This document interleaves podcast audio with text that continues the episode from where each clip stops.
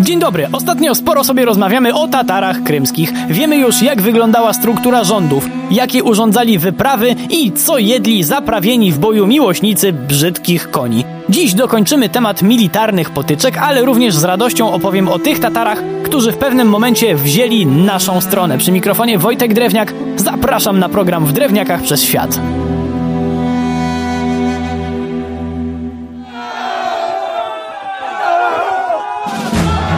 Tatarzy mieli strasznie irytujący sposób prowadzenia wypraw wojskowych. Przekraczali granice i maszerowali głównie nocami. Jedną noc, drugą, jeszcze jedną, byle jak najgłębiej wbić się w terytorium wroga bez wszczynania alarmu. Dopiero po kilku dobach zakładano obóz i z niego ruszały mniejsze grupki celem zgarnięcia jeńców i innych łupów. Tatarzy, jeśli nie musieli, to nie walczyli w otwartych bitwach. Czasem jednak sytuacja tego wymagała. Wtedy bardzo szybko okazywało się, że może ich broń prosta, a konie brzydkie, za to zapał do walki ogromny. Tatarzy atakowali wtedy półksiężycem, to znaczy taką formacją, która z góry przypominała półksiężyc i starali się przez otoczenie przeciwnika albo zmusić go do ucieczki, albo ewentualnie wybić. Strasznie to irytowało nasze wojska, przyzwyczajone do otwartych starć. Przez setki lat sprawiali nam problemy. Pierwszą wyprawę na Podole zorganizowano bowiem już w 1474 roku. Jeśli za ostatnią konfrontację, jak twierdzi wielu historyków, uznamy starcie w 1698 roku, to pokazuje to, jak długo słowo Tatar budziło strach w naszych stronach. Ale czy na pewno? Nie do końca, bo to wszystko zależy od tego, czy Tatar był ich, czy może jednak nasz. O co chodzi?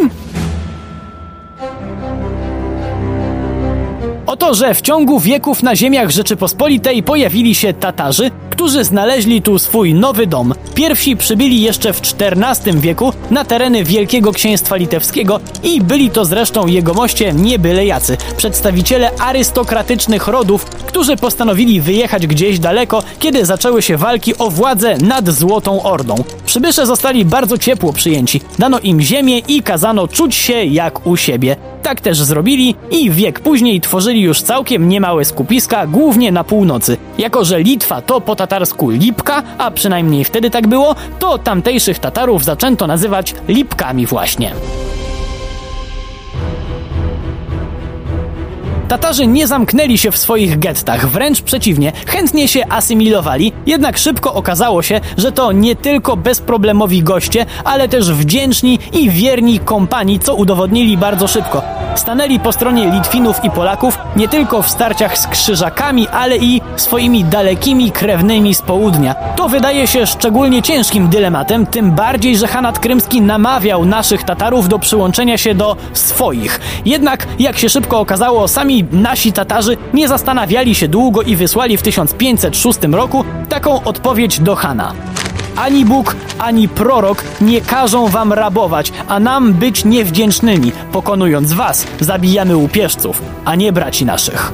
Ten bardzo miły gest nie został oczywiście niezauważony, bo na przykład pozwolono Lipkom wykupywać z niewoli Tatarów wziętych do niewoli. W XVI wieku na Litwie żyło już 7 tysięcy Tatarów, a w Koronie jakieś 3 tysiące, a w wieku XVII 11 tysięcy walczyło w naszym wojsku. 11 tysięcy odważnych i bardzo wiernych wojowników. Niestety dobre relacje na jakiś czas się popsuły, bo zabroniono w pewnym momencie naszym Tatarom ślubów z chrześcijankami i budowania meczetów. Sytuacja zrobiła się niewesoła do tego stopnia, że w 1672 roku część Lipków przeszła na turecką Sprawę uspokoił dopiero Jan III Sobieski, który zatrzymał prześladowania i przywrócił Lipków do naszego wojska, w którym pozostali dużo dłużej niż się wielu osobom wydaje bo to właśnie chorągwie lekkiej jazdy tatarskiej zapoczątkowały piękną tradycję. Powiedzmy wprost, chorągwie tej jazdy nazywano chorągwiami ułańskimi. Tatarzy byli znakomitymi ułanami, co udowodnił chociażby pułk imienia Mustafy Achmatowicza, siejący postrach wśród wrogów w latach 1919-1920.